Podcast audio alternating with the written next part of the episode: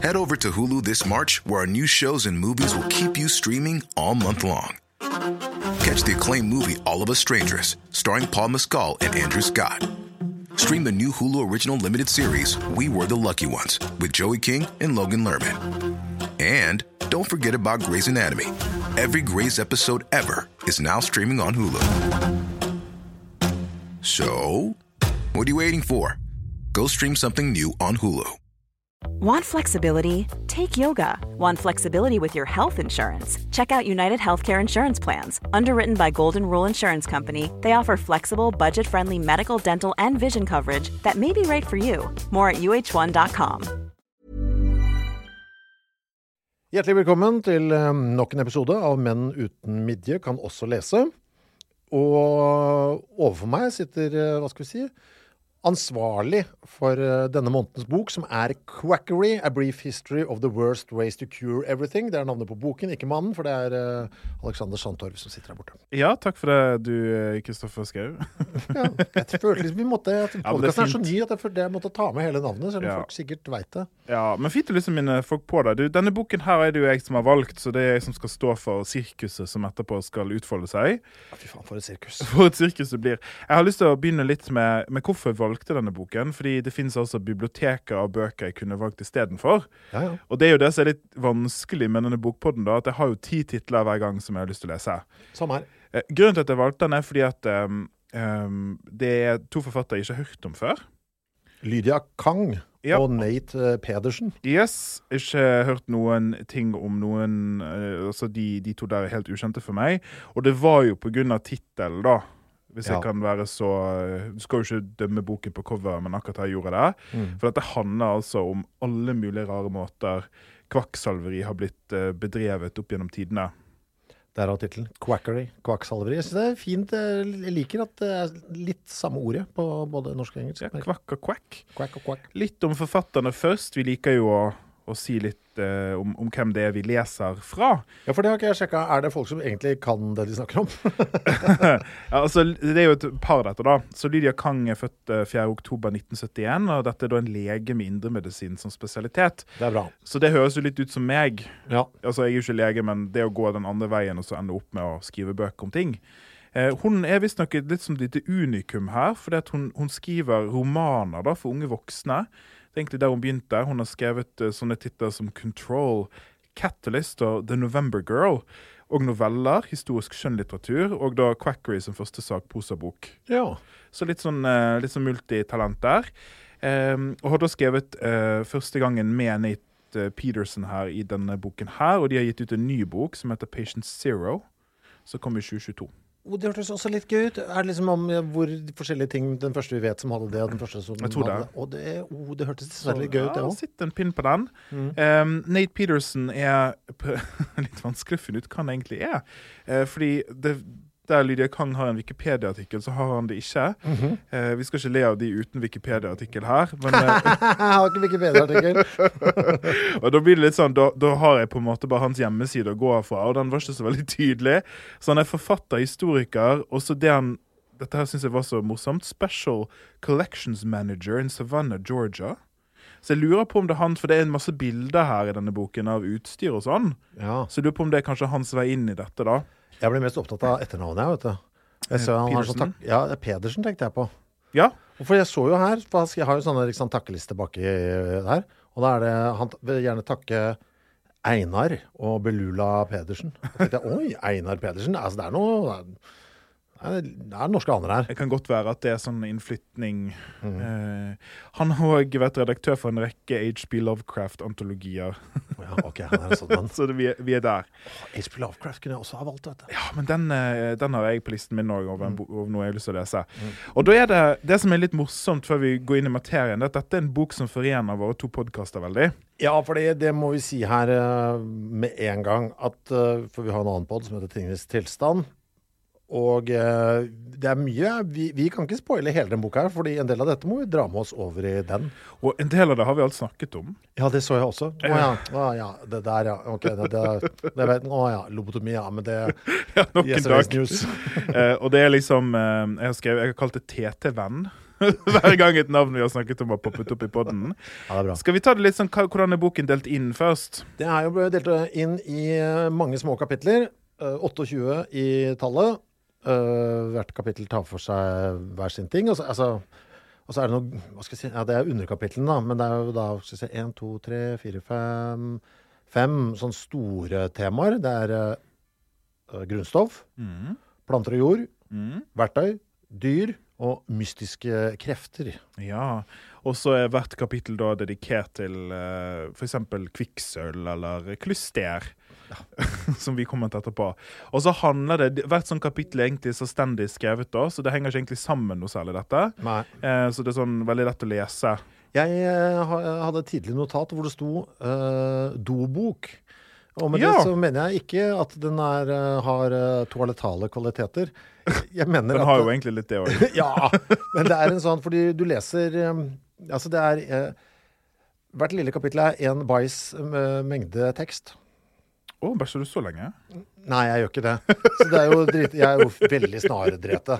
Ja, det er jeg òg. Det? Du, selvfølgelig er det det.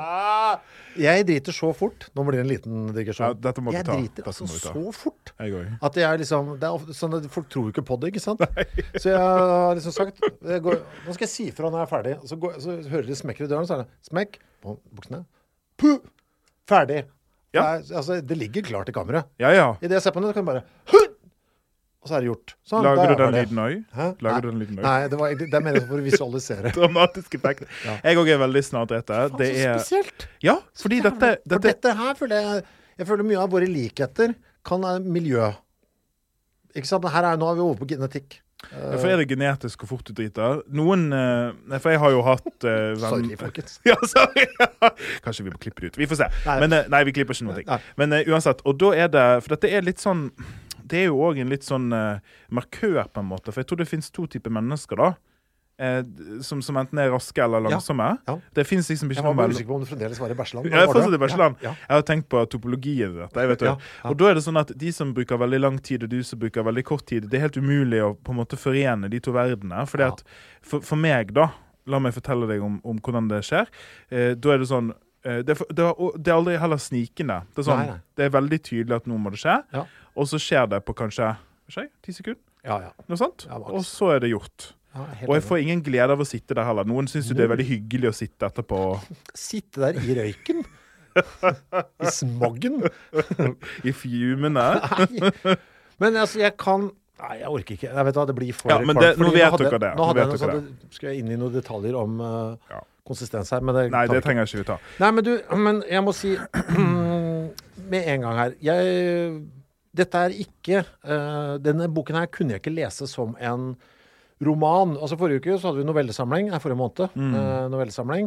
Så også snakka vi litt om det. Der leser vi jo da én og én novelle, på en måte. Måtte ha litt pause og sånn. Og sånn er det litt her òg, for det blir overload av info. Ja. Du kan ikke, liksom, du kan ikke bare burne gjennom her. Fordi hvert, eh, hvert sånt um, kapittel, da, det er på en måte det, De har en struktur som er som du begynner med case. Mm. Et eller annet ekte som har skjedd en ekte person. Og så eh, liksom utbroderes det på en eller annen måte til å bli noe sånn Hvorfor dette? Hva var det med kvikksølv? Hvordan historien? Eh, masse bilder, de må vi kanskje snakke spesielt om. Ja. For det var en glede. De har tatt med masse kildemateriale for originale postere og flasker og instrumenter som er blitt brukt. Men så er det òg noe med at det føles litt som en slags veldig rik dessert. Fordi jeg klarer ikke Nei. Litt sånn som deg. Dette holder, på en måte. Ja, jeg må, ta, jeg må ta pauser. Jeg leste to og to kapitler. Jeg. Jeg leste én og én, jeg. Ja, for det var Jeg sånn to, det var nok. pause. To pause. Og så uh, Ja, så det slo meg jo 28 kapitler. Det er akkurat som det er manuset til 28 podkastepisoder. For man kunne liksom utbrodert Ja, hver og en det. av de. Du! Mm. Ja, vi trenger ikke flere podkaster nå. Men du, det, hold den tanken til uh, vi, blir, vi skal ha noe nytt. Og så må jeg bare si eh, at, eh, at eh, disse her eh, enkeltstående bitene, da eh, De på en måte eh, De er jo alle steder i tid, men aldri i moderne tid. Det er sant. Så alt er på en måte i gamle dager, i anførselstegn. Um, og så er det, uh, det er veldig, Denne boken er veldig li- lite interessert i hvorfor quackery, hvis du skjønner. Ja. Den er bare mye mer interessert i hva er quackery. ja, så er det litt å vise fram eh, the horror.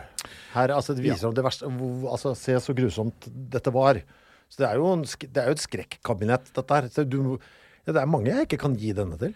Ja, for det er jo liksom verdt å få med, da. At dette er liksom Hvis du er litt sensitiv, kjære lytter, så er dette kanskje ikke noe du har lyst til å høre så mye om, for det er ganske fælt til tider. Vet du hva? Eh, Det kommer vi inn på hvis vi skal jobbe oss litt gjennom her. Ja, det Eh, må det vi jo. var faktisk, og det trodde jeg ikke Det kan jeg ikke huske sist det har skjedd. Det var faktisk et kapittel jeg slet med, som jeg syntes var ubehagelig å lese.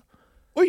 Ja, så vet du hva, dette orker jeg faktisk ikke. Du, det er første gang jeg har hørt at du har en grense, tror jeg. Eh, På, ja. på sånt. Eh, ja, jeg, og jeg leste jo her eh, romanen 'Tender is the Flesh', eh, som har handlet om eh, kannibalisme i framtiden. ja. Det litt kannibalisme i denne boken òg. ja, men det var eh, Ja, vi kommer til det.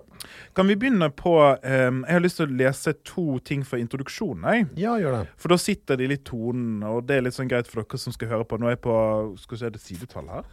det jeg tror jeg ikke det er. Nei, første siden i introduksjonen. Og så er jo det litt sånn, det sa vi jo ikke, men den er jo engelsk, da. Ja. Da leser jeg. But behind every misguided treatment, from Ottomans eating clay to keep the plague away, to Victorian gents sitting in a mercury steam room for their syphilis to epilepsy, sufferers sipping gladiator blood in ancient Rome, is the incredible power of the human desire to live. And this drive is downright inspiring. We are willing to ingest cadavers, subject ourselves to boiling oil, and endure experimental treatments involving way too many leeches, all in the name of survival. Ja, for det er det det går på her hele veien, altså. Det er, eh, det er perioder i, i menneskehetens historie hvor det Ja, det har vi snakka om tidligere òg i en annen pod. Nå gjelder det å sortere korta litt her. Ja, ja, ja. Men altså, det der eh, Det var jo et tidspunkt hvor det å gå til legen var eh, Det var 50-50 om det var en god eller dårlig idé. Og noen ganger dårlige odds òg. Fordi det tror jeg er en av de store tingene jeg sitter igjen med her, og bare vil si det allerede, så du kan ha det litt i bakhodet. Det er nemlig at det jeg får ut av denne her, dette skrekkabinettet, det er at det er en ganske moderne idé at legene gjør oss friske. Ja. Og det er en ganske moderne idé at vi kan stole på de medisinene vi tar. ja. Pasientskadeerstatning, det, var, det, det drev vi ikke med. Det, det, det, hadde, det hadde hele Og ikke bare drev vi ikke med det, men vi drev ikke med det før sånn 1940, liksom. 50 kanskje Ja. til og med. Uh, ja, skal vi gi noen eksempler? Altså, de begynner jo med kvikksølv. Det er kapittel én. Eh, som jo er et grunnstoff. Ja, eh, så første delen er jo da ulike grunnstoff. Og kvikksølv er jo en ting vi har snakket om i den, Nå skal ikke jeg si det på hver eneste ting, men, men det er mye på kvikksølv. Er det noe spesielt du bet deg merke i? Uh, Altså, det er jo Nei, altså Jeg vet ikke hva jeg skal ta engang. Altså, men det, altså, det, det var jo Det blir brukt altså, Hva skal jeg si det, det, Noe som går igjen i hele boka her, er at eh,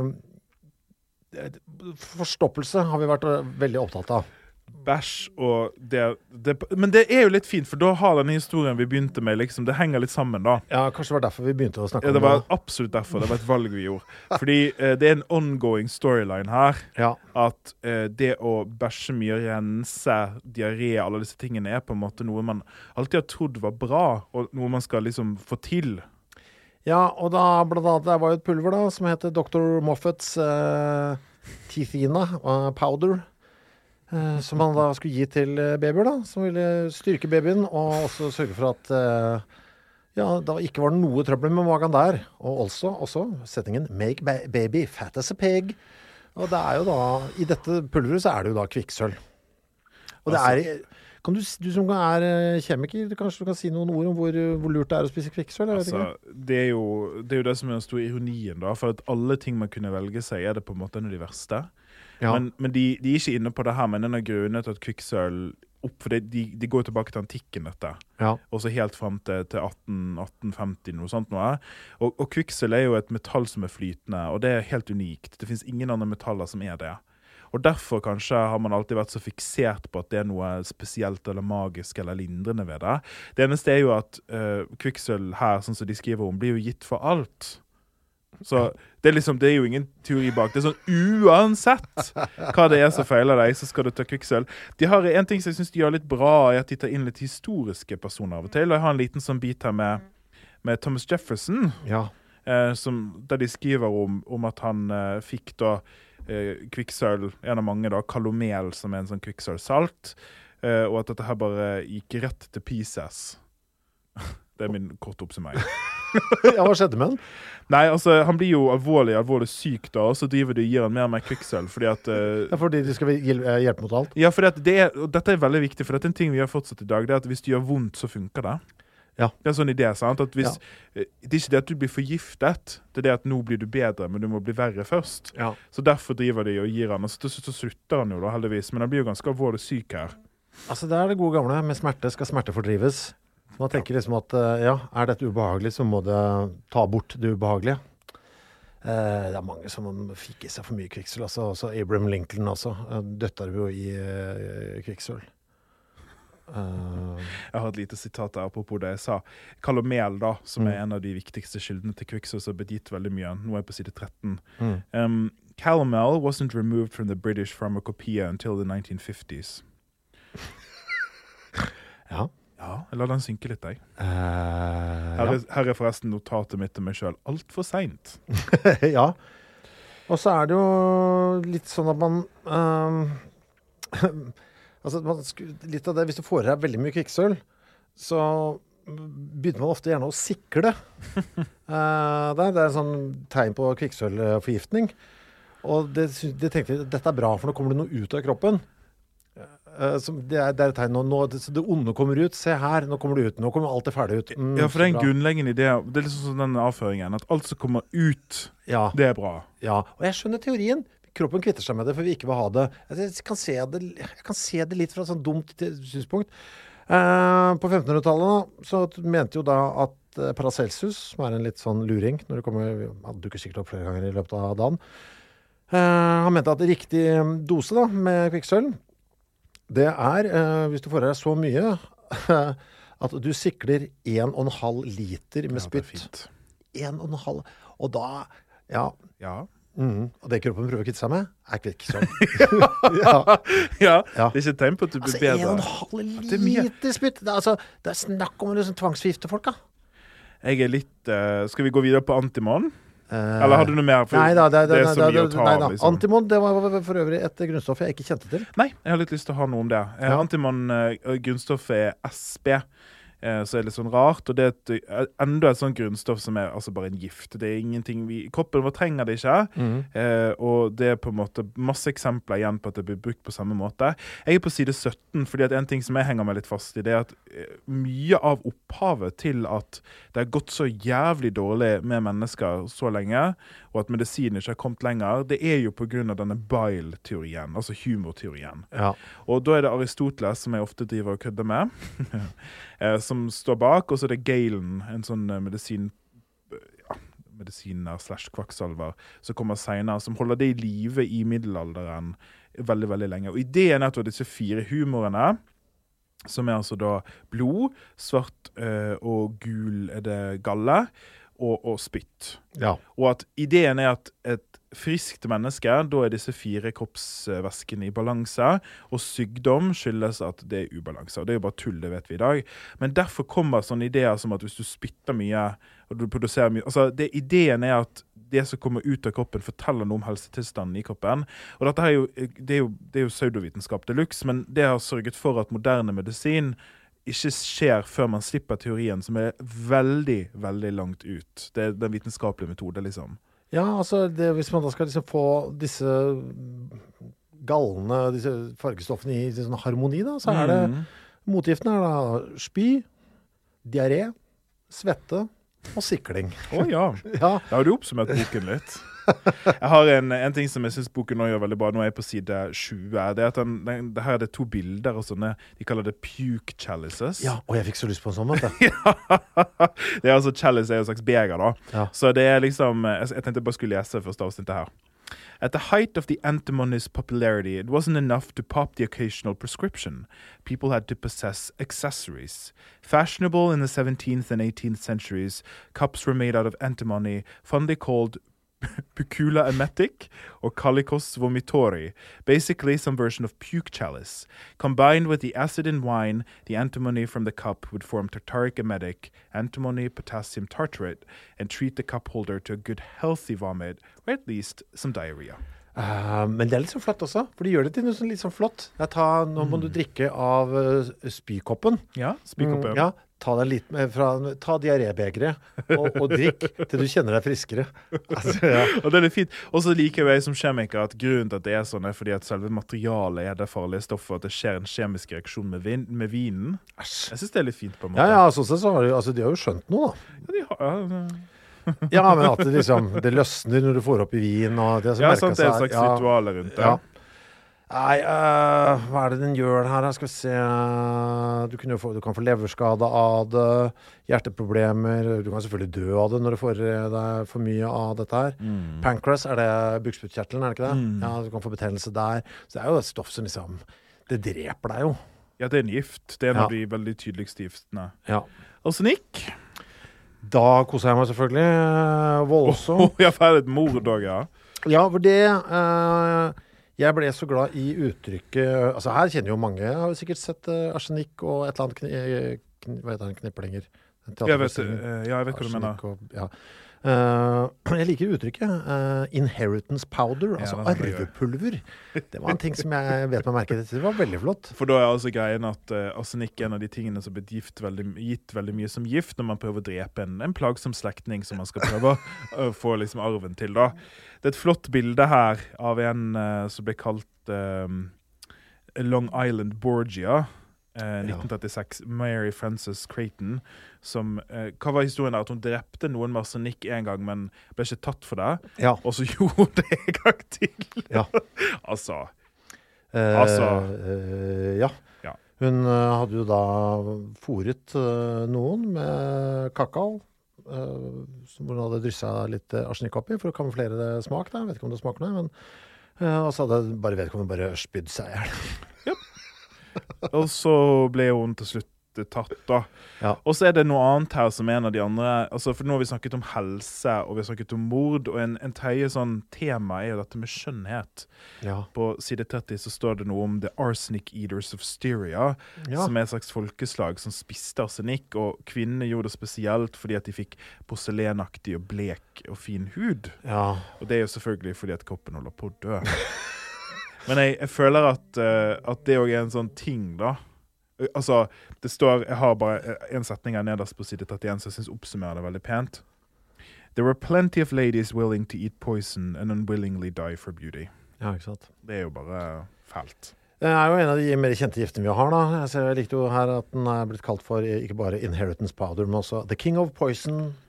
uh, the Poison of Kings. Ja. For det var jo, folk har jo vært livredde for å bli forgifta av Arsenikk-forgifta, ja. ja, opp gjennom åra, for det er liksom lett å, å blande ut. Men jeg syns det var litt sånn gøy fun fact her at um, det har blitt brukt i farging. Det visste jeg ikke. Ja. Uh, det fins farger som heter annet Paris Green og Mm. uh, Sjeles uh, Green. Uh, som ble brukt bl.a. på tapet. Mm. Så det var masse tapeter, spesielt i England, da, som var dekket med arsenikk. Eh, så er det noen sånne tanker om kanskje eh, Napoleon kan ha dødd. Ja, dette er som vi Ja, de fant jo, altså, men de fant jo alt i blodet hans. Ja, ja, ja. De fant jo eh, kvikksølv, som jeg snakket om, men også arsenikk eh, der. Mange sånne tungmetallsalter er sterk farge der, så Ja. vi finner de igjen i pigmenter overalt. Bly, eksempel. De, var, de regner i hvert fall med at de, det de fant av arsenikk i uh, hårprøvene fra Mm. Napoleon, kommer faktisk fra tapeten hans. da. Tapeten. Så, Nok en gang drept av interiøret. mm. Eh, gull ja, Nei, var det noe å si Det er ikke så mye å si om det, men det jo, altså, selvfølgelig har det blitt brukt eh, for å kreere oh, ting, det det, blir også. brukt i dag òg, det, faktisk. Uh, gjør det det? Ja. Dette er jo, Husker du vi snakket om sølv, altså samme univers? Ideen er at uh, ved å drikke eller spise ting med sølv eller gull, Ja. så skal man liksom, det skal være helsebringende. Og det er en ting som fortsatt lever i dag, altså. ja. Det er jo bare tull. Men vi kan trekke den linjen fra YouTube i dag helt tilbake igjen til liksom tidlig, tidlig antikk, liksom. Det jeg syns var gøy, da, at det har blitt brukt eh, med gull. Det var det eneste Eller Det var masse gøy her, altså. Eh, Jeg syns det var gøy at det har vært brukt som en kur mot eh, alkoholisme Ja, på et tidspunkt. Og syfilis. Ja, for det òg. Det skal dere vite. Det er et par ting som går igjen her, altså. Ja, ja, ja. Eh, Det er syfilis. Hva kan vi gjøre for å bli kvitt det? Eh, da, og da tror jeg Alt vi skal innom her, har vært brukt mot syfilis. Hver eneste ting vi Ja. nevner her, har vært, det kan bare tas som en sånn selvfølge. Og det er jo en litt sånn refleksjon som vi gjør som moderne mennesker, at um, får du syfilis i dag, Mm. så er uh, behandlingsmåtene ganske skånsomme, og, og liksom du blir nok helt frisk igjen, ja. Mm. Men uh, det er òg en helt moderne ting, at noe så dumt som syfilis var liksom helt jævlig. For det er en fæl sykdom òg. Ja. Det skjer grusomme ting i kroppen din, liksom. Og så er den så treig. Så du får først noen Mm. utbrudd, og så bare hm, Vent litt, nå skal jeg bare kule i kanskje ti år. Og så bang! Så skal jeg ete opp hjernen din og gjøre deg gæren. Ja, Og så finnes det en tredjedel tror jeg, dette for hukommelsen som ikke får noen symptomer. Ja. Ja, Som vi vet ikke hvorfor. Men det er bare sånn en tredjedel. Du bare har syfilis, Ja. og så bare går du Så jeg kan hende jeg har det nå, liksom? Det kan være. Oi. Hvis ikke du har testa deg. Er det en egen eh, test, hurtigtest for syfilis, eller gjør de det som en del av standardrepertoaret når de dorer penis med en eh, pinne? Eh, det har man sluttet med, forresten. Har man det, ja? Ja, Så man har, nå bare urrer? jeg tror det er uh, urin, og så er det noen sånne q-tips-prøver for ulike slimhinner, men ikke tissen. Ja. Og så er det vel eh, blod. Så får man ganske god oversikt. så man slutta helt med, med inn med Altså, Det kan godt være at man gjør det fortsatt, men eh, de stedene, for fun? de stedene jeg går, OK. Jeg skjønner. man ikke det. Ja, for alltid når jeg står i, sånn, i den døra med sånn smug i, nede i Brugata Mens jeg likevel er nede og kjøper noen piller, så kommer det en dund. Han, jo, han skal alltid dytte en pinne inn i kukken min. Ok, Nå må jeg bare fortelle det. Jeg, altså, jeg syns ikke det er noe skam å sjekke seg for kjønnssykdommer. Nei, nei, nei. Jeg synes det er ting vi alle skal gjøre. Ja. Og når jeg begynte med det tidlig i min karriere, Mhm. nå angrer jeg på at jeg begynte på dette, så var det altså da en sånn q-tips-test. Og det, det kan godt være det, Jeg vet ikke hvordan det er for kvinner, men for menn så stikker man altså da i gamle dager en q-tips opp i urinrøret, og det er noe av det fæleste i hele verden. Det er så grusomt. Det og så gjelder det liksom at det er en hyggelig, øh, hyggelig herre på jobb. For det var det. Ja. Eh, Den legen som gjorde det første gangen, var sånn Oi, det likte du ikke, sa han. Mm. Ja, jeg bare Nei, det gjorde jeg ikke. Så, så, så ille kan du liksom Ja. ta andre smerter, da. Eh, kapittel fem er veldig Ja, interessant. Det er flott. Det er radium og radon. Ja. Og her er det mye å si, altså. Ja, for de som ikke vet det, så er jo da Ja, det ligger jo i navnet, da. Det er jo et øh, grunnstoff her som er radioaktivt. Radioaktivt til 1000. Ja. Altså det er skikkelig skikkelig radioaktivt. Um, dette her ble oppfunnet av uh, ekteparet Curie, mm. eh, som vi har snakket om før. Og uh, blir Det er òg en sånn ting at når meg og menneskeheten finner noe nytt, noe spennende, så er det sånn OK, dette skal hele populasjonen ta. Ja, og Fordi dette er kjempebra at du sier, for det er en Altså, det går jo i hvert fall igjen i denne boka her. Vi finner en ny ting. OK, døtt det opp i ræva, putt det inn, Ja, inn- spis det. Drikk det Få det inn på alle inn i øyet, Ja, inn i munnen, inn i øret. Ah, ny ting. Men sånn er det jo faen meg litt nå. Med en gang det er noe nytt, så tror folk at det gjør noe. Ja. Skjønner du hva jeg mener? Altså, du kan bare se på 5G, liksom.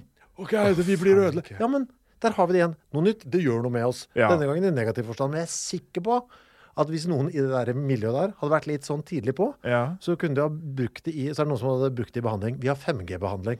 ja. Og Altså, Ja, ja, ja. Alt nytt uh, tror folk har en eller annen stor fysisk effekt Den ene eller andre veien. sant? Så Ja. Enten så er det kuren for alt, Mm. og derfor skal alle ta det. Eller så er det giften for alt, og så skal ingen ta det. Mm. Av og til er sannheten ingen av delene. Av og til begge to. altså det er jo ikke, Vi kan ikke vite det på forhånd. det er bare en ting. Men med, med liksom dette, dette her eh, radon- og radiumopplegget, så begynner altså eh, folk Altså det begynner masseproduseres og tøytes inn i det skal se, den der, det der fast i. Ja, det er, det er masse her, altså. Ja, bare begynn et sted. Nei, ja, altså Det begynner jo med en historie her, da. Uh, Det forteller jo da en historie om en uh, fyr som heter Eben Byers, som er 47 år gammel. Rik. eh, høres ut som en ordentlig dølling. Kjører fancy biler og er veldig opptatt av å ragge damer på kvelden og være sånn partyløve. Og han har da fått det for seg at uh, dette skal kureres. Uh, både fyllesyke og at han har slått seg på et eller annet tidspunkt. da, eh, Med noe som heter Raditor.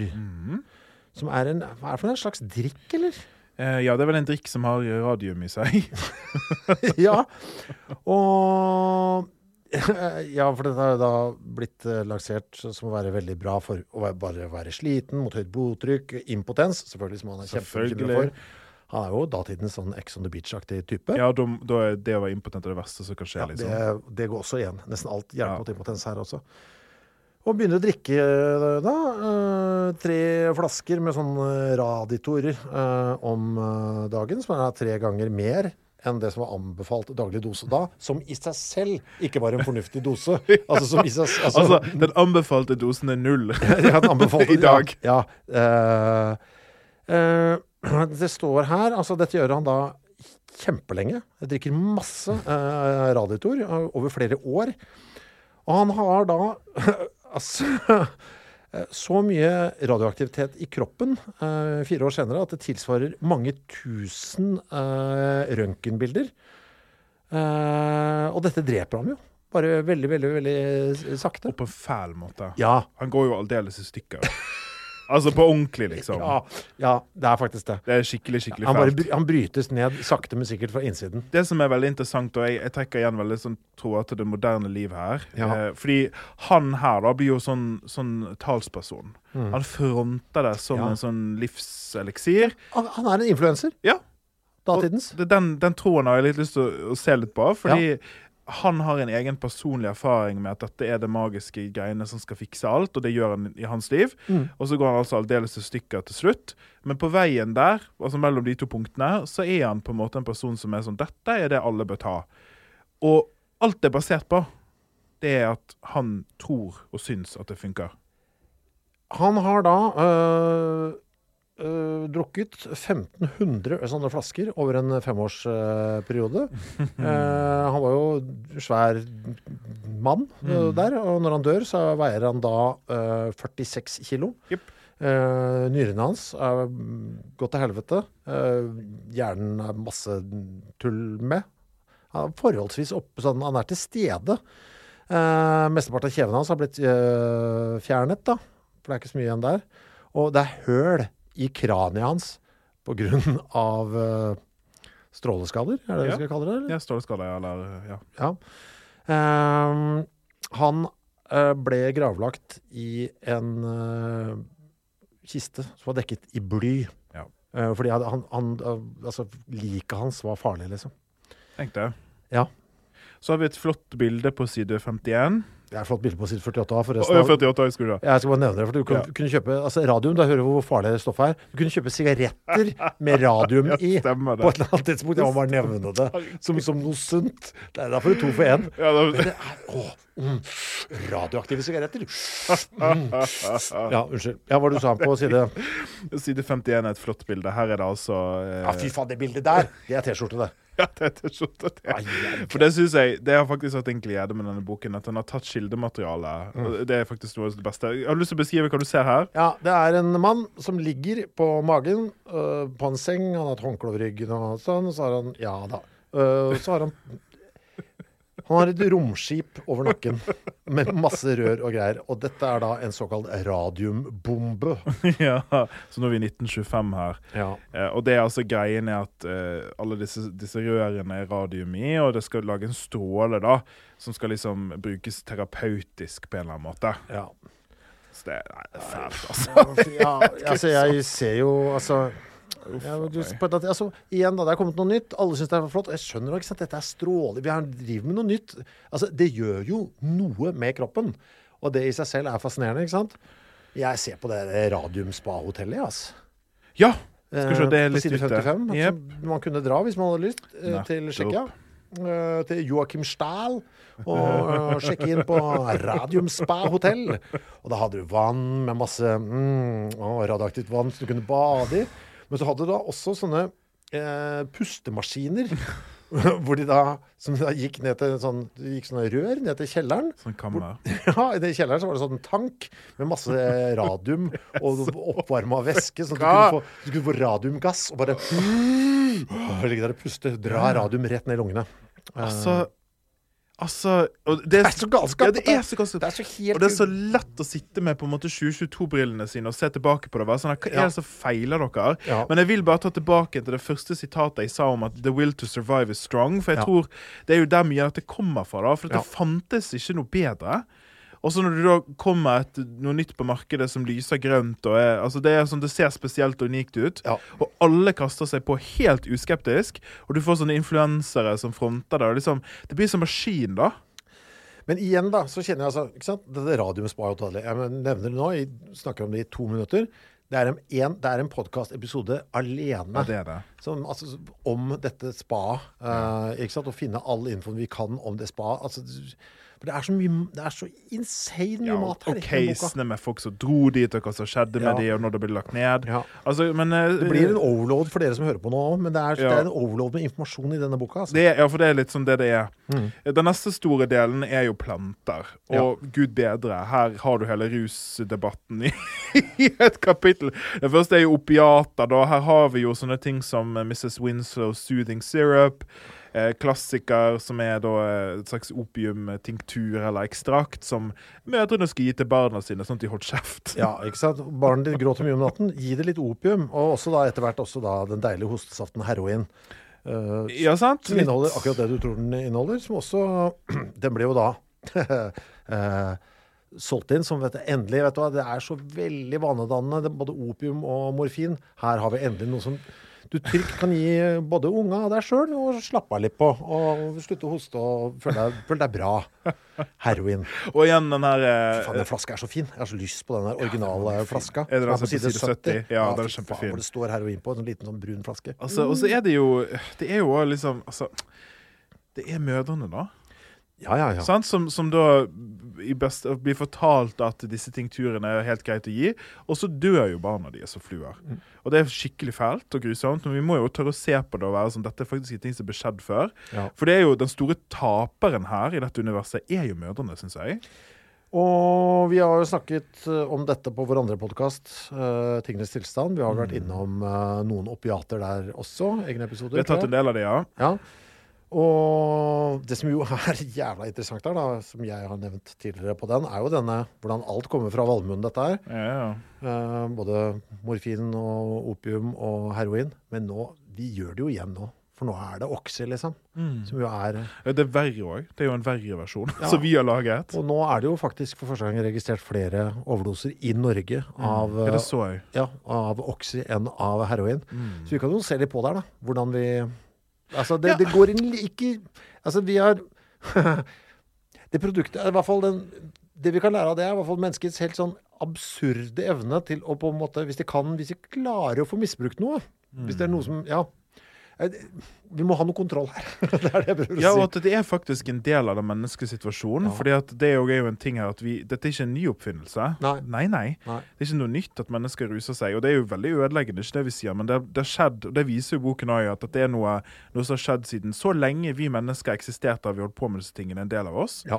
Og uansett hva du prøver, og hvordan du prøver å håndtere det, så vil det eksistere som en del av det å være menneske. Ja. Stryknin. Åh, stryknin, vet du. Jeg har jo et litt så sterkt forhold til stryknin, jeg. Du har? Ja. Uh, Ok. For det er en låt av Strychnine som jeg har vokst opp med. Uh, Sonics-låta. Uh, som, jeg, som jeg elsket fra jeg var ganske ung. Og det tok liksom lang tid før jeg skjønte Å, er det en, en gift? Uh, oh, ja.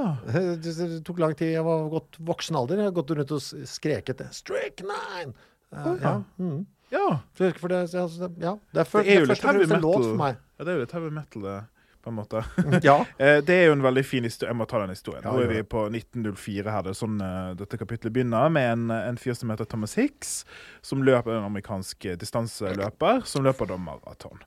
Og Det finnes et veldig fint bilde her, eh, der han eh, dras over målstreken. fordi at denne stakkars fyren blir ikke bare utmatta av å løpe maraton under steikende sol. Eh, Under olympiaden i 1904. ja, ja, det er sånn det er ordentlig, liksom, eh, ordentlig atletisk dette. Men det som egentlig knekker han både fysisk og metaforisk, er jo at, at hans trenere driver og gir han ja, stryknin.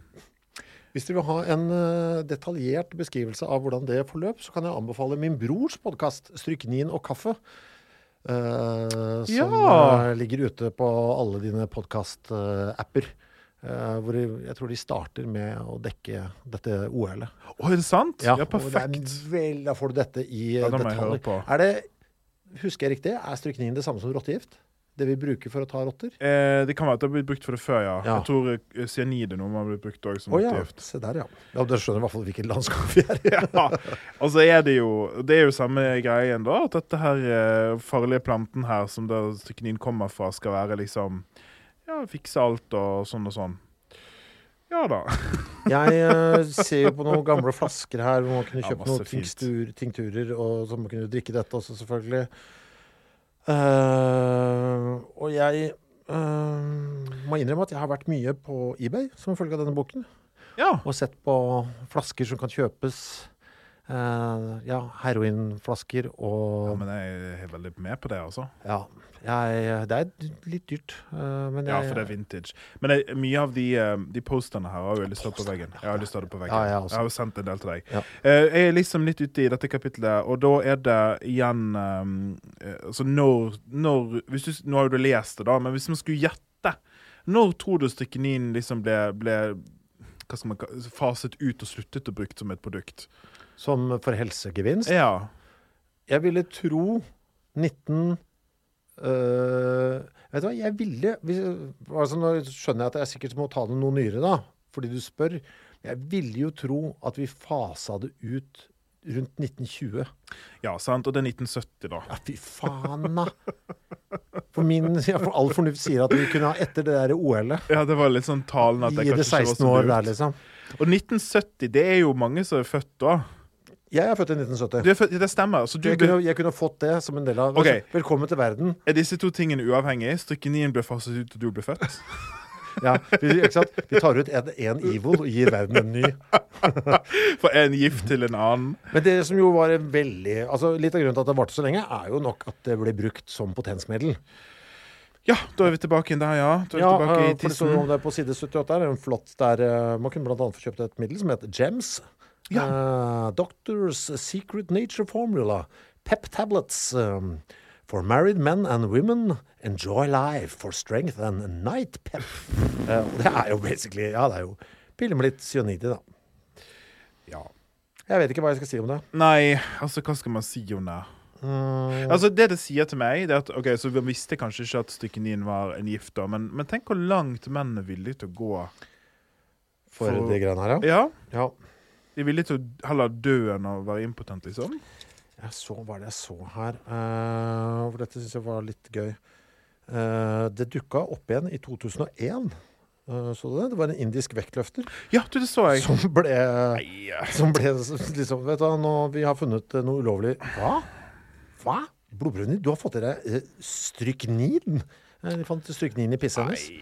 Så hun måtte levere tilbake gullmedaljen hun vant i uh, det asis, asiatiske vektløftings... Uh, uh, det? Konkurransen her. Kunjarani Devi. Ja. Det er jo en liten cameo for Adolf Hitler. Da. Det må man jo alltid ha når man snakker om gift. Ja. Apropos despoter som skal ha blitt forgiftet. Det er jo en, en av de mange tingene er jo at han skal ha tatt stryknin, da. Det står her som en bekreftelse at det skjedde. Men at eh, det var mye annet som skjedde inni den kroppen òg. Uh, ja, etter det så går, glir det over i å handle om tobakk her. Jeg har ikke notert meg så veldig mye der. For det er litt sånn Ja, jeg følte at vi det, Er det da når de liksom gir tobakk oppi rumpen til folk? Kan vi ta det? Ja, Selvfølgelig. Men alt har vært oppi ræva. Selvfølgelig også Å, jeg, Ja, ja, ja. ja jeg tar det. Mm. Jeg det 88. Det er det eneste tingen jeg har notert i hele det kapitlet. Jeg noterte også to, at det har funnet uh, tobakk tannpasta på et tidspunkt. Mm, å, det er liksom å. Vent litt, da. Ja, å, ja, der var den, ja. Jeg er så redd for å miste den deilige røyksmaken jeg hadde i kjeften. Mm, mm, tobakk tannpasta. Den har jeg også googla, vet du. For å prøve å kjøpe. Det fins noen veldig flotte bilder av ja. Hva heter det da, det som du ser nederst der på side 89? Sånn derre belg. Eh, Som blåsebelg, Ja, ja. blåsebelg. Ja, jeg tar den da, for den Ja, er så sant? Så dette er jo noe Så dette er jo noe man brukte tobakk til før. Da gikk man altså rundt med sånne kit som, eh, som de eh, legene kunne gå rundt med, da, altså lite koffert, med en blåsebelg og noen no, Det ser ut som noen lange rør. Og det er jo selvfølgelig for å lage da røyk, altså tobakkrøyk, og, og liksom blåse det opp i rumpen på folk som hadde svimt av eller druknet eller noe greier. Jeg må si, det settet ser helt amazing fett ut. For det er liksom sånn Hvis du har sett en sånn gitarkasse som du lukker opp, hvor ting liksom passer sånn perfekt nedi, og det er, og det er liksom fløy Ja, det er veldig og- flott eh, Og det er lekkert, liksom. Og det, og det er lekre tuber som skal opp i le anal. eh, Og så skal du fylle dette med deilig tobakksrøyk, og bare puff, puff. Også rumpa må røyke. Ja, ja, selvfølgelig. Og det fins et bilde nå på side 90 med en sånn, sånn skisse for et slags patent. da. Ja, for det var det jo. Det er sant. Ja, det er sant, det. Det er altså en, en, en person som har eh, et rør inni munnen med et langslange der det kommer ut røyk. Så du kunne også gjøre dette for munnen hvis, hvis du ikke hadde det flotte Ja, utstyret. ok, da, vi må ta, nå må vi ta med det. Fordi det var en teori i, gamle, i London, f.eks. Hvis folk eh, datt i Themsen, som du gjerne gjorde når du var drita, Ja, ja. og sånn, få dem opp på land, og raskest mulig blås eh, litt tobakksrøyk opp i ræva på dem. Og hvorfor brukte ikke munn til munn? Det har jeg en forklaring på her. Så nå skal jeg bare lese fra side 90 her. Uh, if the smoke enema didn't revive the victim, the institutional members turned to a much more reliable method that actually saved lives artificial respiration. Mouth to mouth rescue breathing, however, was largely frowned upon by the medical community as vulgar, as compared to, say, blowing smoke up someone's Ja, men tenk deg det. Altså, det er vulgært Det er vulgært. men det, er, men det er ikke vulgært. Og når du- blåse. du drar- ligger en bevisstløs, nydrukna fyllik der dra ned buksa, kjøre, kjøre en kladeis opp For det er en, det er en kladeis Altså, det er, det er en altså, det er, ser, den- ikke, det ser ikke behagelig ut, det er en altså. granat. Ja, ja, ja, ja. Med, med en hul granat som skal opp i ræva, liksom. oppi- Vom, vom, vom, vom, vom. Mens du ligger der. Og så blåser tar jeg sånn Er det noen som har en camel? Men, mens munn til munn var vulgært. Men de skal sies her, dette, her ligger det også noe annet i båndet er, som forfatteren sier noe om her, at det kan også hende at det var For dette er på et tidspunkt eh, Det er jo Victoria-tiden og sånn, ikke sant? At hvor det du fikk ikke sett så mye. Det var jo liksom bluferdig tid. Så da kunne du, du få sett, i hvert fall sett en ræv.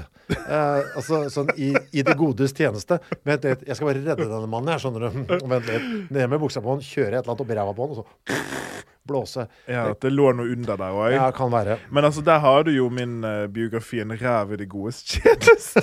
Ja. Men, tenk deg, men det sier litt om mangfoldet i boka vår også. For nå holdt vi på å hoppe over kapitlet om tobakk. Vi tenkte der var det kanskje ikke så mye gøy. Og så var det jo det. Og så var det det. Ja, ikke sant. Der har du det. Det Ja, er, vi- det er så stilt her. Vi kan godt hoppe over kokain. Eh, ja Jeg For det er den vanlige Ja. cola-tingen. vi har hørt det før. Må, Ja, du har lyst til å ta noe? Jeg må, jeg må bare nevne For det, det eneste stedet i boka hvor den nevnte nordmann er her. Eh, Oh. for dette visste ikke jeg. Alle kjenner til at det var kokain i cola på et tidspunkt. Aha. På et tidspunkt så var det også veldig populært med kokain i vin. Oh. Eh, som var en eh, Hva het drikken? Vin Mariani. 10% alkohol og 8 kokainekstrakt. Stemmer det? Meget populært. Blant Stemmer annet en av de store forbrukerne av eh, Ja. vin Mariani, Henrik Ibsen. Jeg skrev under det her, sa jeg. Henrik Ibsen om masse mine, vet du. Jules Verne, eh, Alexandre Dumas Ja, eh, Conan Doyle. Ja, ja, ja. Hele forfatterskapet. Okay, men da, Og Queenie vi, og dronning Victoria også. Elsket dette. Når vi først- også, vet du. når vi først er her, så må jeg jo ta en ting, da. Så Jeg prøvde å hoppe over her, men eh, nå må jeg ta det. Det, det er liksom Det er farlig, vet du. Ja, det er farlig. Det er en liten skildring nå er jeg på side 99 her. Mm. Det er en liten skildring om en, om en fyr i Nyman da, som driver og ekstraherer kokain her i begynnelsen. Eh, og, en, en lege som heter Paolo Manquezata, Mm. som begynner å ta dette. Og som, som da i rusen uh, skriver ned hvordan det er å ha den rusen. uh, som en sånn god reklame for de som kommer etterpå. da. Og da har vi en, en liten skildring her som er fra hans notater. I sneered at the poor mortals condemning to live in the valley of tears, while I, carried on the wings of two leaves of cocoa, went flying through the space of 1770, 438 words, each more splendid than the one before. God is done just because he made man incapable of sustaining the effects of coca all life long. I would rather live a life of 10 years with coca than of a 100,000, and here I inserted a line of zeros without it. Livsfarlig. Et livsfarlig innsalg. Livsfarlig. Men uh, ja da. Og så er det så, OK, nå skal jeg la det ligge. Ja, alkohol kan vi hoppe over. Det kan vi hoppe over. Det har jeg snakket så mye om fra før. Eh, ja. Så kommer vi til del to. Jord. jeg kjente at Sorry, begynte jeg å hoste, jeg òg. jeg kjente at det også er mulig at vi burde ha en egen tingenes tilstand-episode. Om jord? Om jord. Ja, kanskje du har rett. Her er det så saftige ting, Ja, altså. Fordi, ja, ja, la meg bare nevne Vi spiste jord. Uh, vi har spist jord ganske mye. Uh, Om vi har. Vi har, vi har spist så mye ja, jord! skal vi la den ligge, eller? Ja, vi sparer jord. Fordi i, ja, i vår andre pod. Ja. Ja. Vi kan ikke ta, det er en, det er en tjukk bok, altså. Vi kan ikke ta alt. Så kom det, vet du, så kom vi til verktøyavdelingen. Uh, Ja, jeg bare tar med litt vann mens du snakker nå. For det Ja, må, fordi fram til det her dette, Nå vi på det tidspunktet hvor jeg uh, måtte takke for meg. Jeg vet ikke om det var uh, Var det blodlatingen? blodlatinga. Det, Å!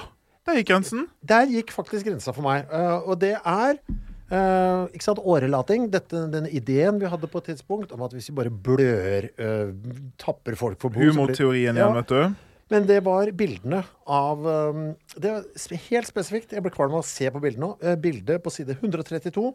Den kuben uh, der. En scarificatoren der. Fy faen i helvete, jeg ble dårlig av å se på For det. det, det er mareritt. Ja, fy faen, jeg ble kvalm. Ja. Jeg ble kvalm av det Ja, jeg skjønner det. Det er en sånn en liten firkant du skal sette på inntil der hvor du Inntil underarmen, eksempel. Og så trykker du på en liten knapp, så kommer det ut liksom seks Små små kniver. kniver. Mm. Og så skal du liksom bare kikk, dra bortover. Det, det, det første jeg tenker, Hellraiser. Faen, jeg klarer ikke. Nei, det er helt jævlig. Jeg syns det er dritgående Her, måtte her tok jeg en liten pause, faktisk. Hva syns du om, eh, om oversikten på 137, da? Det er Ja, noen flere akkurat det samme. Akkurat det samme dritten. Det der, eh, men du sendte det til meg på SMS. Ja, det. Nei, det gikk fint, liksom. For da så jeg, jeg så ikke hva det sto, og sånn, så skjønte jeg ikke detaljer. Mm, gøy, gamle sånne Jeg visste ikke hva det var.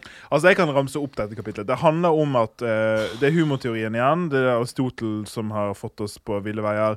Ideen er at nesten alt skyldes at du har for mye blod, så du er nødt til å tappe blod. Og da er det menneskelig iver på å finne alle mulige slags fæle instrumenter å gjøre dette med. Og det er masse sånne tanger og kopper og kniver og ja. Ja, Altså, vi har jo masse folk som dør. De, ikke sant? Folk tar seg fluer! Og så skal det også hjelpe mot Det er så, det er så lett å se effekt av. Hvis folk er litt sånn ivrige og rare, liksom, litt sånn maniske. Det er bare liksom gjøre en blodfattig. Det, så... Ja, anemisk, liksom. Fikse alt det. Nei, Jeg så jo for litt interessant at man, mye av dette foregikk hos frisøren i gamle dager. Det syns jeg var ålreit. ja, det er deilig å multitaske. Nei, det for én en fæl ting til en annen. Lobotomi syns jeg er veldig vanskelig å lese om, da.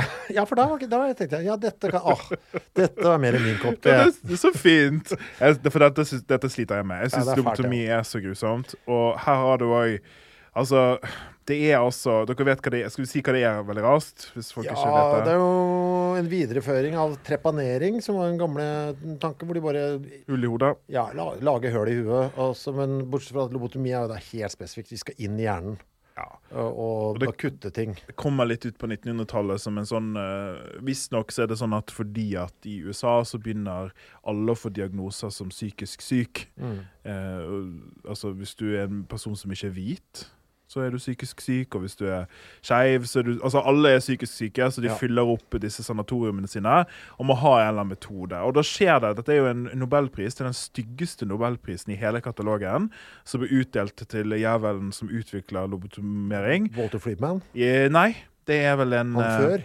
Ja, for det var Freeman som tok, gikk Ja, rogue ute på veien der. Det er en, eh, Jeg husker ikke hva det heter i farten. ja. Men uansett den styggeste nobelprisen i hele katalogen. Og da er greien at man utvikler masse metoder for å kakke deler av hjernen. som man gå inn via øyet, typisk. Bak øyet, som er ganske fælt. Med sånne spisse instrumenter, kakker. Og det som skjer, er jo at personene blir jo zombier, selvfølgelig. Fordi at du ødelegger det de er som person. Men de blir jo rolige. ja da.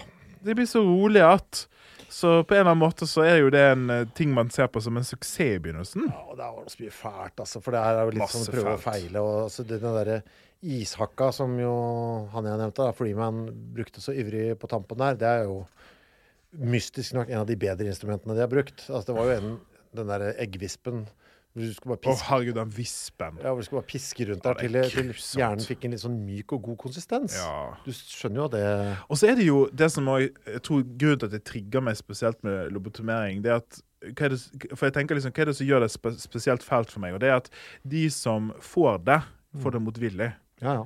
Og det er typisk minoriteter av ulike måter. Det, kvinnehistorien er jo full av lobotomering. Fordi at de var så seksuelt utagerende, disse kvinnene. Så her måtte vi virkelig lobotomere dem.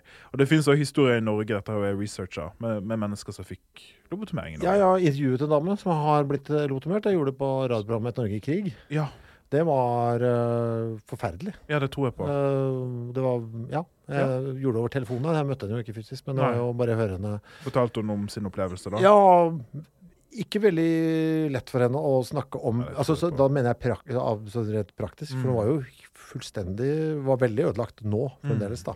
Selvfølgelig. Hun har Ja. fått ødelagt hjernen sin. Uff. Det noterer meg at eh, en av barna til eh, Kennedy eh, Ja. Ble lobotomert. Rosemary. Ja. Lobotomert og satt bort og aldri snakket om igjen. Nei, veldig flott. Eh, kanskje vi tar noe litt, eh, litt koseligere ting som eh, For da, vet du Jeg, jeg, som sagt, jeg tålte ikke årelating. Og så tenkte jeg ah, endelig litt lobotomi. Og så kom den jævla Det der med blemmer Altså brann, Ja. brannsår og blemmer som medisinsk teknikk. Og tanken er jo da at du skulle brenne noen, og så skulle du da For det blir liksom verk og sånn puss i den blemma. Hæ? Og, så, og når det rant ut ja, Og der renner alt det farlige ut. Ja, så vi må lage mer av det. Vi må holde det, vi må holde det så gående. Faen, Det fins et, det et grusomt bilde her som innleder den seksjonen. Det ser ut som et fondysett. Ja. En sånn kjele som brenner med sånne spisse ting oppi. Nei, vi kan hoppe over det òg. Jeg orker ikke. Ok, La oss gå til Kluster. ja, men det er koselig. Det, Ja. det kan vi snakke om. Og der òg, vet du, det begynner med noen fine bilder og sånne Ja, ja da. Det er mye flotte pumper der. Uh, det, det, det, som sagt, da, det, det er jo, dette er jo en coffee table-bok, bare at den ikke er sånn stor. Uh, altså Du kan se på den nesten bare på, for bildenes del. Mm. Blant annet så er det en kjempekul vase som det er bilde av, på side 164. ja, den er, Vet du hva jeg skrev der? Ja. Yes. Yes. Ja, jeg er helt enig, for jeg var sånn, den vil jeg ha. Det er en spansk vase fra ca. år 1600, uh, hvor det er bilde av en fyr med buksa på knæra, og bak han så står en fyr med en gedigen pumpe, Ja, som han bare pumper inn, da. pump, pumper inn livgivende klyster. Så, så ideen her for klyster er liksom, det er jo alt skal opp i rumpen og sånn. Og Ja. det, de skriver litt om hvorfor dette, hvor dette kommer fra, den ideen. Og da er det snakk om noe som heter hva er det, autobutrofisering, eller hva er det de kaller det? Det har sånt navn, den ideen, da. Ja, autointoxication. Og Ja. ideen er at mennesker er farlige. Mm. Altså, grunntilstanden til et menneske er sykt. Fordi Ja. at inni oss, alle de ekle bæsjene som ligger og koker der, det gjør oss syk. Ja. Altså, Det er jo helt motsatt i dag. Da vet vi at et friskt menneske skal bæsje. Ja. Men da er ideen at det, det, skal, det må ut. Det Ja. giftige må ut. Men jeg kan se den. Ja, for det er jo litt Ja, stygt. sant, du ser når du driter, ikke sant? Og så ligger den der. Og så skjønner du, vet du, det der er farlig. Det, hvis du spiser det, Ja, så på blir grunn du av dårlig. instinktene i deg. Ja, ikke sant? Du skjønner også at hvis du spiser det, så blir du dårlig. Ikke sant? Det skjønner du helt, og da er det jo helt åpenbart. Ja, det er inni meg. Det kan ikke være bra. Uh, så det, ja, så Der har du det. altså, jeg syns tankerekken i Ja, det er jo for det er Ja, ganske- ja. Ja, for det er jo Selv jeg, med barna av 70-tallet, vet du eh, eh, Der så følte jeg liksom at eh, bakterier var ikke noe som ble bra før Det var ikke bra når jeg var liten, det. skjønner du hva jeg mener? Nei. Ja. Det eneste er at alle disse det, OK, så, så du skjønner logikken og sånn? Jeg skjønner jo det til en ja. viss grad. Ja. Men problemet er at man har For det er jo bare noen som har sett noe og tenkt en ting. ja. Men de har i hvert fall begynt å tenke. De har begynt å tenke, og Ja. da skal altså Så poenget er at øh, vi må bli friske ved å på en måte få ut ondskapen som fins inni oss. Mm. Og da er det et Pelletora av instrumenter og kurer for å bæsje mest mulig. Og det er så mye. Det er altså uh, Alle har drevet med det, la meg bare si det. Altså, alle sivilisasjoner eh, I gamle Egypt så hadde jo da uh, Så hadde du faraoene sine egne Guardians of the Anus, som var det. Du, det er en bra albumtittel. Guardian of the Ja, Anus, ja. og da var det var en sånn egen tjener som bare hadde som oppgave å sette klyster. Og altså, i Frankrike var det altså, du ble satt klyster hele tida. Uh, Ludvig den 14. hadde liksom Ja, altså det var non stop. Klyster, klyster, klyster. Klyster, klyster. Ehm, og så er det jo Ja, nei Ja, du kunne kjøpe små sett og ha med Og det som er så deilig også, du kunne også ta klyster mot hemoroider. Det virker, det virker også så håpløst, på en Det verste du kan gjøre, liksom. Ja. Ja. Eh, så er det jo vann. Vann altså ideen om at uh, ulike vannterapier gjør deg frisk. Altså, jeg må si at Nå går vi over dette med harelabb. Altså, det er en million Ja, ja. morsomme små anekdoter knyttet til alt Selvfølgelig. her. Ja. Vi kan ikke ta alt, og det er jo liksom, dere må lese sjøl. På side 176 og 177 så er det noen flotte bilder, syns jeg. ja, skal vi se Ja, Her ja, er det Ja, det er noen flotte bilder. Her er det litt, og dette er fotografier, da. ja. eh, som viser hvordan disse hydroterapiene blir gjort. Det er en måte å gjøre det på, hvor en, en pasient blir pakket inn i våte kluter. Skal bare ha på de lenge. Det er flott. Og det er, det er våte klær, og det er våte lakener og kluter og sånn som man skal bruke. Og hva skal man bruke det for? Nei, det er jo litt diffust igjen, da. Det skal liksom virke på alt. Og nå er vi i den tiden hvor folk dro på sånne spaer, og rike folk dro Og til det er kaldt vann og varmt vann. Det er en her som er helt jævlig her, fra sånn svensk eh, terapeutsenter. Vet ikke hva det er. 95 og 110 degrees. Det er jo Fahrenheit. Vet ikke hva det er. eh. Ja, det er varmt i alle fall, ikke det? Ja, det er- Eller er det kaldt? Nei, det er kanskje det er kaldt. Nei, dette skal være hot bath. Ja. Uh, ja, de ble i hvert fall senket ned i et uh, bad med, hvor det hele tiden var eh, varmt vann. da. Så hadde man over en sånn derre en sånn deksel, sånn at du bare hodet ditt stikker opp. Og i dette badet kunne du være eh, i noen timer, og også i noen uker. Patients could live in there for three weeks at a time in the bath. They slept in the bathtubs too. We fed them in the bath and held the drinking glass up to their mouths. They peed and defecated in the water, of course. Uh, some patients became ca calmer. Uh, they really did. It exhausted them. Der har du, ja, sant, for der har du lobotomi-greiene igjen, da. Tenk deg å bli tvunget ned i et varmt bad i tre uker og pisse og drite.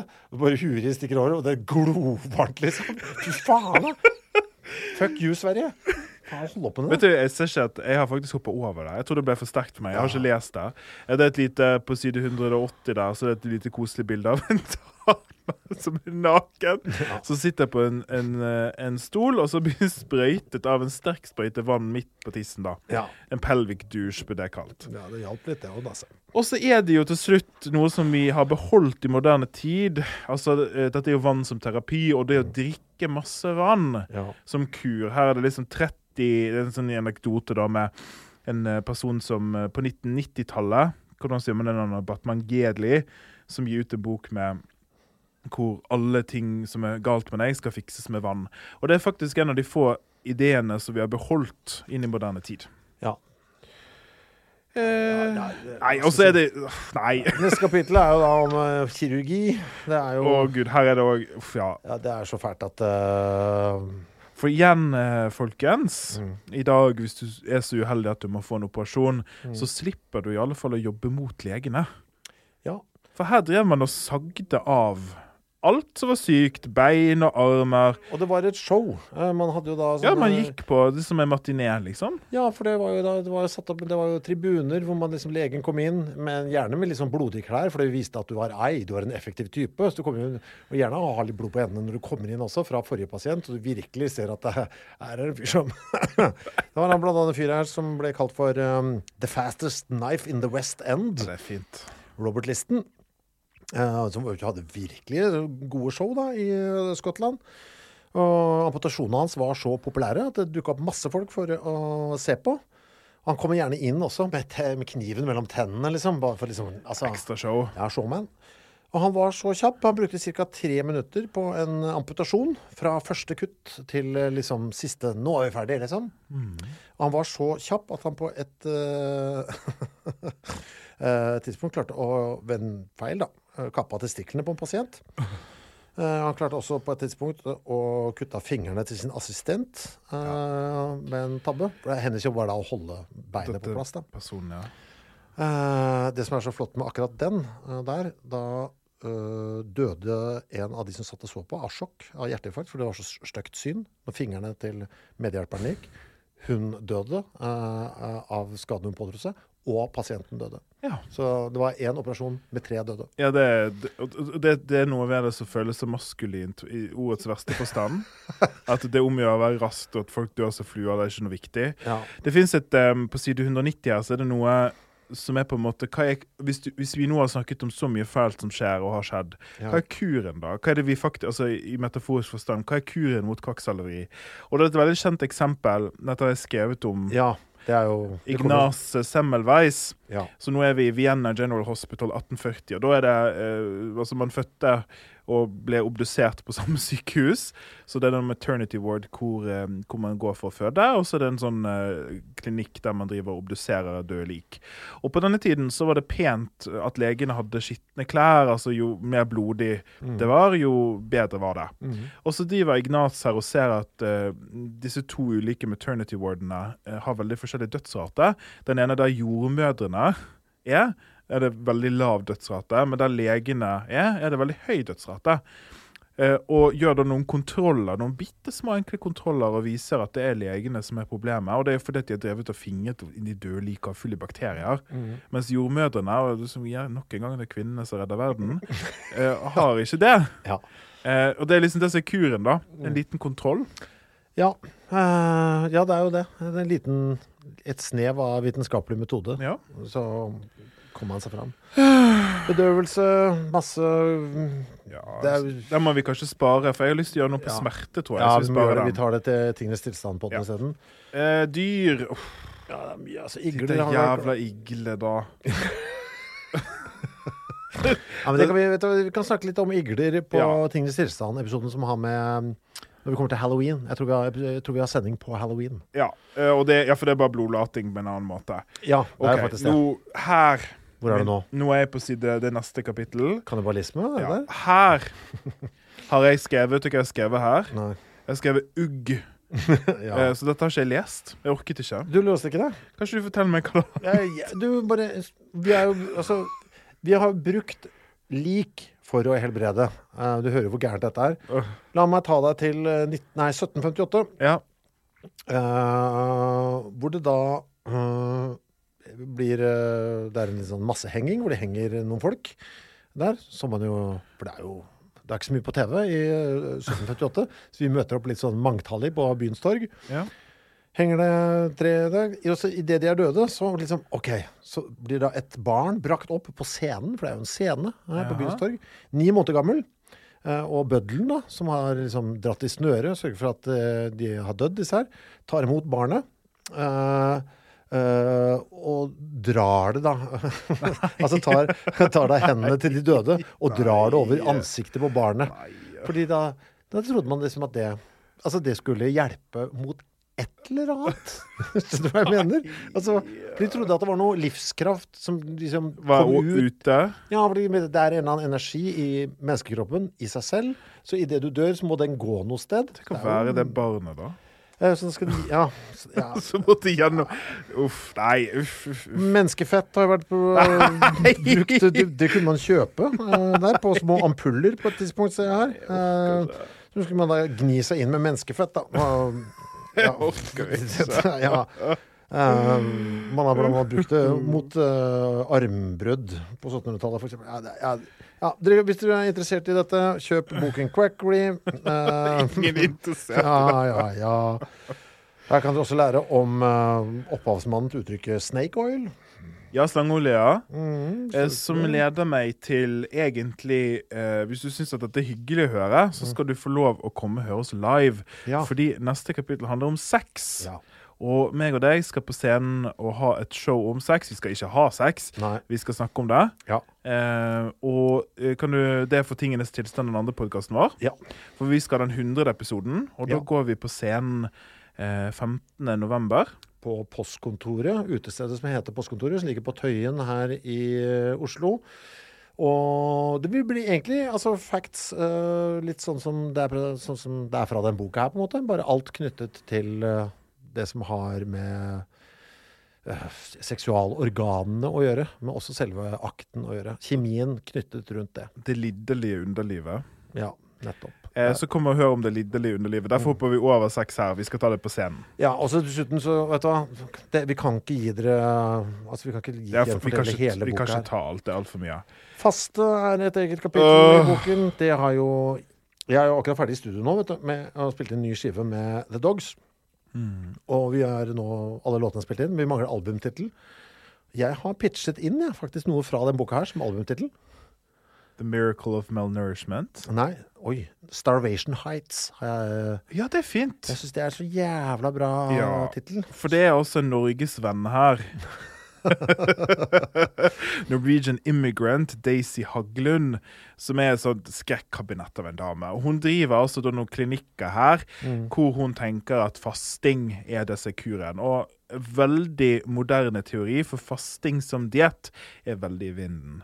Jeg skal ikke ta det nå, men det som da skjer, det er at hun, hun faster pasientene sine så jævlig at de dør. Ja, altså selvfølgelig da når de er på sitt svakeste, sørger for at de har testamentert eh, alt det de eier over til henne, men også stjålet fra dem. Og det er, hun har jo så mange liv på samvittigheten. Oppe på Starvation Heights. eh, Starvation holder Heights. og det er jo Ja, dette har vi bedrevet altså så mye. Og hvis dere Ja, jeg igjen endte opp på eBay. Jeg fikk så lyst til å kjøpe, hvis du ser på side 267, Ja. uh, den plakaten der. den med fett. Ja. Uh, fat, fat. nei, eat, eat, eat. And always stay thin. Fat. The enemy that is shortening your life. Banished. How? With sanitized tapeworms. At du skulle spise litt sånn eh, Litt sånn eh, mark, da, vet du. Så skulle du spise maten for deg. Ja, det kunne du kjøpe, altså, på et tidspunkt. Ja, altså, vet ikke, skal vi, Hvor mye mer skal Nei, vi ta her? kanskje vi, vi kan oppsummere siste bit, men vi trenger ikke ta altså Det er bare sånn mysterious power, så det er liksom den som kanskje er minst interessant, for det er sånn elektrisitet og radiostråling og lys og, det dummeste av det dumme. Det slutter jo med da noe som heter The King's Touch. Ja, sånn at i, I middelalderen så trodde man vet du, Hvis du hadde noe det som heter skrofula, det er en variant av tuberkulose, hvor du får noen sånne jævla infiserte lymfekjertler oppi nakken som stikker ut og sånn. Eh, en sykdom som for øvrig gjerne går over av seg selv. Mm. Eh, så skulle man bli kurert hvis man ble tatt på av kongen. Ja. Og det er jo faktisk helt briljant opplegg, fordi dette kunne som sagt gjerne forsvinne av seg selv. eh, der. Så når kongen gjorde det, og så mm, ja. en måned senere så var det frisk ah, det er jo, Sånn er jo faktisk mye sånn quackery basert på. Det legitimiserer eh, Ja. På en måte behandlingen. Du, jeg har litt uh, Nå har vi snakket oss gjennom. Jeg har det, sånn, det, når du skjønner hva boka handler om. Ja, nå og vi har ikke spoiler, vet du. er, jeg vil si at vi har vært innom 5% av det boken inneholder av, av fakta. for det er liksom en rik bok. Jeg har litt kritikk. Ja, jeg vet hva, jeg vet, tror jeg vet hva du skal si, og jeg har faktisk blitt enig. Få høre. Du, jeg har, Dette er den boken jeg har mest kritikk mot, Mhm. blant alt jeg har lest. Så jeg ville ta det for å gi en sånn runde ting. Mhm. Eh, Jeg har, eh, jeg har to store punkter og et lite punkt. Mm, jeg har bare ett. Ja, Det første punktet er at jeg syns at forfatterne tar altfor stor plass. Mm. De er så jævlig tørrvittige gjennom Det boken. var det som ble mitt problem etter hvert også. Ja, ja, Har du lyst til å si litt om det? Ja, ja, det er det at de som uh, At de kan si sånn ja, Nå bare finner jeg på noe. Uh, not my idea of a perfect Saturday. Nettopp. Uh, Sånn Ja. That's a birthday party for you. Ja, sant? Sånn at det var litt sånn vittig der. Og det hadde ikke trengtes, fordi informasjonen i seg selv er så god. Helt enig. Men det går ikke på bekostning av leseropplevelsen som, altså sånn informasjonsmessig. Nei. Det gjør det ikke. Eh, Men du blir bare sånn åh, åh du, kunne, du hadde ikke trengt det. Det går jævlig ut på dato, så nesten hvert eneste avsnitt har en sånn der eh, tørrvittig Ja. lite sidestikk, eh, som for meg ødelagte faktisk veldig mye. Det, det tar ikke, jeg har ikke kommet ned på side fem her før jeg blir irritert. Ja, for jeg måtte bikke 100. OK, ja, for jeg merket med en gang eh, at det håndverket der, det burde de ha spart seg for. Og det som er litt Stol på stoffet. For stoffet Ja, det er det, sant? La det stå. Du trenger ikke De er ikke noe morsomme heller. Nei, stoffet er med, kjempebra i seg selv. Ja. Bildet, altså, det ser så bra ut, så. Så det var helt unødvendig, og det, det ødelagte veldig for meg. Eh, og så er punkt nummer to en slags Jeg føler ikke de sier noe om hva quackery er. Nei, det, blir, det er mer sånn vise fram, ja. Ja. Jeg skjønner. Mm. Jeg, jeg, jeg skulle ønske at de kanskje eh, tenkte litt større rundt emnet. Fordi eh, du trenger jo ikke det. det. Dette er jo bare sånne eksempler på det. Men jeg, jeg, savner på en måte mer enn bare sånn Her er et eksempel, her er et eksempel, her er et eksempel. Fordi alle disse eksemplene henger jo ikke sammen. Nei. Det er bare frittstående sånne små anekdoter. Og da, for det er en ganske tjukk bok. Den er på hva er det da, 300, og- Ja, det er altså, 330 sider. Det er ganske langt. Mhm. Og da blir jeg sittende og liksom være sånn Ja, men hva, hva vil dere si, egentlig? Vil dere bare fortelle oss ting dere syns er morsomme og rare, eller har dere tenkt noe mer om dette? Fordi kvakksalveri lever i dag. Ja. Og det var litt det jeg var inne på, at jeg, vi har alt er i fortiden her, men hva kan vi lære av det? Ja. Eh, og, og liksom Det blir så Det løfter ikke produktet for meg, fordi jeg føler ikke at jeg egentlig har lært noe mer enn at det finnes masse rart å fucke der ute. Mm. Jeg vet ikke hva du tenker om det. Jeg skjønner hva du sier. Uh, jeg var bare så mett, jeg, så jeg var glad for at den ikke var enda tjukkere. For jeg følte at det var Ja. Og det leder meg til kritikk tre, som er at um, jeg skjønner ikke inndelingen. Ja, ja sånn, ja. Mm. Fordi det er liksom Hva er Hvorfor er det strukturert sånn som det er strukturert, egentlig? Ja. ja. Skjønner du hva jeg mener? Jeg Hvorfor er. Kings Touch til slutten? Hvorfor er, Ja. Hva, hva, hvorfor er operasjonene der de er? Det er, ikke, det er jo ikke kronologisk. Det er jo Nei. ikke Nei. Jeg skjønner ikke hva de har tenkt når de har satt det sammen. Ja.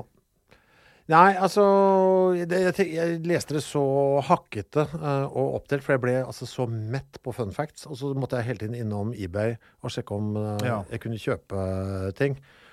Eh, så tenkte jeg ikke så mye på det. Kan det være også at det er, du tenker litt ekstra på det, fordi det er du som har brakt boken til torgs? Eh, jeg er jo en veldig kritisk leser, da. Ja, og ja, ja, men jeg, kan også, jeg kunne kjenne på litt sånn ansvar når jeg kom med bok til deg forrige gang. Ja, sånn, ja. Og at det var litt sånn Det er litt deilig, for dette, dette er nok Det er litt deilig fordi at det, det, jeg valgte boken, og jeg likte den veldig dårlig, egentlig. Hvis jeg er helt ærlig. Ja, for jeg, jeg, jeg trivdes veldig med den. Ja, Jeg sant? tenkte her er det masse eh, Og jeg jeg har jo plagd bandet med dette mens jeg var i studio, for eksempel Ja. Vet du, visste du at faen, bla, bla, bla, bla, bla, det var noen sånne rad, stikkpiller med radiumis som skulle stikke opp i ræva? Så du ble, liksom, ble stråleskada fra rassen og Sånn har jeg holdt på, liksom. ja, så du, du har egentlig kost deg, du. Ja, jeg har kost meg Ja. med, med Ja. Men jeg tror, fordi det var jeg som valgte den, så har jeg liksom litt ærligere. Hvis du hadde valgt den, så tror jeg jeg hadde liksom pakket det litt mer inn. Ja, ja, ja, men eh, ja. Altså, dette er jo Ja, jeg ser på dette som sånn manus til uh, podkast. Ja. Og så kan man, hvis man skal til en sånn rar middag, eh, så kan man liksom lese et kapittel, og så ha, være bevæpna med sånn noen fun facts eh, der. Jeg tror For meg, da, hvis jeg skal oppsummere mine tanker, så syns jeg eh, Hvis du er veldig interessert i emnet, så Mm. vil jeg anbefale det. Hvis du er veldig interessert i dette emnet og de tingene vi forteller. Men det er ikke en god leseopplevelse, syns jeg. Nei, for det er ikke noe sånn du setter deg ned og leser. Det er det ikke. Det, er ikke, det er ikke en god bok mer enn at det er interessante ting. Nei. Og vi blir jo, Jeg har jo sendt masse ting fram og tilbake når vi leser som er sånn aha. og Mm. jo, Dette er jo mitt emne. Dette er jo ting jeg bryr meg veldig om. Men fordi at den leseopplevelsen blir så hakkete, og det blir sånn der, jeg føler det, det er for mye bok for for lite idé. Ja. Hvis du skjønner? Ja. Eh, kanskje det istedenfor burde bare vært bildene. ja, sånn, ja. Så, så derfor blir jeg litt sånn Jeg vet ikke om jeg har lært noe heller, egentlig. Nei, det var noe litt negativt, Jo, men ja. men jeg får lyst til å utbrodere uh, der. Sånn som når vi for eksempel da skal Jeg vet jo det, når vi skal oppe på, på postkontoret og ha dette hundrede episoden vår av Mm. Tingenes tilstand, så kommer jeg til å stjele masse fra kapitlet her om, om sex, ja. Ja. ja. Det blir jo eh, Takket være den boken så kommer vi til å fylle 20 minutter eh, med det. Ja, med fakta for den. Så oppsummert for deg, da. Hva syns du? Eh, jeg jeg kommer ikke til å lese den igjen, men jeg kommer til å bruke den som oppslagsverk av og til. Mm. Det tror jeg faktisk. Jeg ha den det, det, det er jo bøker jeg gir bort etter å ha lest de og sånn. Ja. Dette blir ikke en av de. Nei. Fordi dette, den kommer til å stå sammen med der vi har ordbøker og litt sånn Ja, men den kommer til å stå som et sånt? Oppslagsverk, Ja, liksom. det kommer til, jeg kommer til å bruke den som et oppslagsverk. mm. Ja, boken til Torgersen om eh, grunnstoffene og sånn. Den Ja, skal sant. ved siden av der. Nettopp. For det er, en sånn, det er rett og slett et oppslagsverk. Ja. Ja. Jeg kommer, ja, som jeg, det minner meg om, jeg har ikke lest noe om det. Puh. Og så har du det der. Ja. Nei, men det er fint. Jeg, jeg liker litt at uh, For jeg, har- jeg har vært så utrolig Sist var jeg jo bare sånn der fra meg av glede, for jeg syns det var så bra. Ja. Så litt deilig at uh, liksom, jeg er litt så negativ òg. Er det nå jeg skal ta for neste uke? Ja, du- Eller skal du, har du noe lesebrev? eller Eh, ja, vi kan ta Jeg har et lite leserbrev før vi gjør uh, Ja. neste overrekkelse her. Ja, Nå er det jo faktisk et leserbrev også. Et brev fra en leser. Ja! Skal vi se. Her er månedens eh, leserbrev. Mhm. Hei! Hei, og unnskyld. Nå er jeg treig. Og tusen takk for en fantastisk podkast. Vær så god. Jeg har ennå ikke sjøl klart å lese parallelt med dere, men koser meg uansett, og blir veldig inspirert. Spesielt er The Thing Around Your Neck kommet inn på must read-listen. Ja, Og det er syns jeg er bra.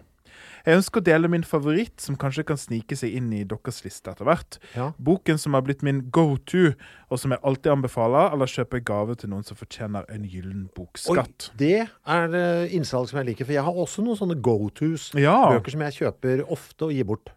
Og dette er noe jeg aldri har hørt om før òg. Eh, sjanger kan kanskje klassifiseres litt ufortjent som chick lit, Ok. eh, men i alle fall en bok som får en til å reflektere, og ikke minst får Guernsey til å seile opp som neste reisemål. Altså Ja. Guernsey. Ja, Guernsey, ja. Mm. The Guernsey Literary and Potato Peel Pie Society What? av Mary Ann Schaefer og Annie Barrows. Aldri hørt om før, Ikke jeg har hørt heller. så det er alltid bra å få et uh, nytt tips. Litt gøy at hun sa at det lå i chick-lit uh, litt nå. Ja, for jeg- det har jeg tenkt litt på at vi bør lese. ikke jeg. Jeg har ikke dyppa føttene så mye borti ting som har den labelen. Nei, den labelen er jo helt jævlig. Ja, for den er jo ikke fortjent i det hele tatt. Ja, det- er, sånn, eh, det er jo kjempeteit. Det er sånn Bøker kvinner leser. Hva faens dritt er det, liksom? men, men uansett, uh, veldig bra med tips fra ulike steder. Nå kunne det høres ut som du mente at kvinner som leste, var dritt. Nei, nei, nei, nei, nei, nei, det skjønner. Nei, det er ikke kritikk av kvinner som leser. Det er kritikk av at vi tror at det må være en egen Ja, sjanger. ja, jeg, jeg, jeg visste hvor du ville. Du, ja. nå må jeg sitte meg til, for nå er det jo månens høydepunkt. jeg er livredd for det jeg har kjøpt, eh, egentlig. Uh, for etter, etter uh, Ikke sant, den her altså, Jeg burde Jeg syns det var så kjempegøy å lese sangen om den røde rubin. Ja, Ikke sant? Så, jeg, så etter jeg hadde kjøpt, så hadde jeg gått for den her nå, da. OK. Eh, der, så tenkte jeg faen, jeg burde kanskje ah, Det hadde passa bra med en klassiker til nå som ikke jeg har lest, tenkte jeg. Norsk klassiker. Ja, ja, et eller annet. Ja. Eller vet da faen, en eller annen sånn Ja, som jeg ikke har lest. Okay. Ok. eh, der, også, men så var jeg Den her har liksom stått på Den her har fått så god kritikk. Det er en ny bok. Norsk. Oh. Ny norsk bok. Jeg har sett den har fått veldig god kritikk overalt. Så jeg var, liksom. ja, den kom kommet i åra, tru. Å, Gud. Skal vi se jeg, jeg bare- tør vi det, da? Skal vi se 20, 2022, ja. Ok, Da kan det være jeg vet hva det er. Hæ? Da kan det være jeg vet hva det er. Hva er det? Nei, altså, men jeg har jo ganske god oh, ja. oversikt. Ja, nei, du, for jeg har bare sett den har fått veldig god kritikk overalt uh, der, men den er jo også ikke Det er ikke roman sånn, som sådan. Det er jo litt sånn dokumentarisk, så vidt jeg har forstått, da. Er det Åsne? Nei, det er en uh, fyr jeg ikke har hørt om. Ole Torstensen, 'Bare en jobb'. What?! Eh, ja Hva i all verdens land rike er det her for noe? Uh, ja, og det er Jeg kan lese bare I bare en jobb reiser tømreren eh, Ole Torstensen, forfatteren altså, til Krakow for å jobbe på byggeplass. Med så, mange polske, med så mange polske arbeidere på norske byggeplasser vil tømreren reise til Polen på en slags faglig pilegrimsferd for å utforske stedet og folket som har gitt yrket hans det moderne og noe nedsettende navnet polakkarbeid. Uh, dette vet du, fordi det, de ville ikke falle meg inn og kjøpt en bok på Skal dette. akkurat til å si det. Ja, og, men så har den fått så god kritikk eh, der. Og, Men det er veldig gøy, dette her. og så er den Ja, jeg syns den er på Pelikanene. Jeg syns ofte de har vært gode Ja, på Pelikanene er flinke, syns jeg. Ja, Litt sånn nisje. Ja, øh, så jeg, de, de, det er jo mulig vi jeg bommer, ja, men jeg har vært veldig nysgjerrig på den, da. ja, Du, så gøy. Dette, vet du, eh, Chris, dette er en bok som hvis jeg hadde sett den, hadde jeg tenkt for faen om jeg skal lese. En bok om en Ja, men jeg også Jeg har litt sånn Jeg, jeg er nysgjerrig på den, bare. Det er Veldig spennende. Kan jeg, vi må gi oss etter Nei, nei, vi leser Ja, alt. vi leser alt. Ja, Det er veldig gøy. Ja, jeg, men jeg, var litt sånn Faen, nå burde jeg benytte anledningen til å tvinge oss til å lese en klassiker. Ja, men det, ja, Men så, så bare skjedde dette, vet du. Men jeg, er jo vettaskremt nå, for, jeg, for jeg vet For du vet ikke. Jeg, har jo ikke lest noe om fyr. Jeg vet ingenting om fyren. Jeg vet ikke det åssen språket hans er, eller noe. Men det er jo, det er er, der, eh, det er jo der de beste er det bokmål, eller er det nynorsk? Jeg skal jo se, Det syns jeg det er Bokmål, ja. bokmål her. Ja. Uh, å ja. Korte kapitler. Uh, store bokstaver. fin, eh, veldig fint cover. Det er 250 liksom, sider. Så dette er veldig overkommelig for oss alle. Veldig fint. Men da er det faktisk eh, 1. november, da. Nei. Nei! Nei. 1. desember. 1. desember. Ja. 1. november er jo Ja, i dag, herregud. Ja. 1. desember så skal vi altså møtes og snakke om Bare en jobb av Ole Torstensen fra Pelikan forlag. 1. november i dag er brutter'n av bursdag. Helvete. Gratulerer med dagen, Alex. Ja, jeg har allerede anbefalt podkasten hans. Uh, Stryk den inn i Ja, det var Det er gave. bursdagsgave. Det er bursdagsgaven til meg, broderen. OK. Eh, Vi snakkes, da. Vi snakkes. Ha det. Ha det.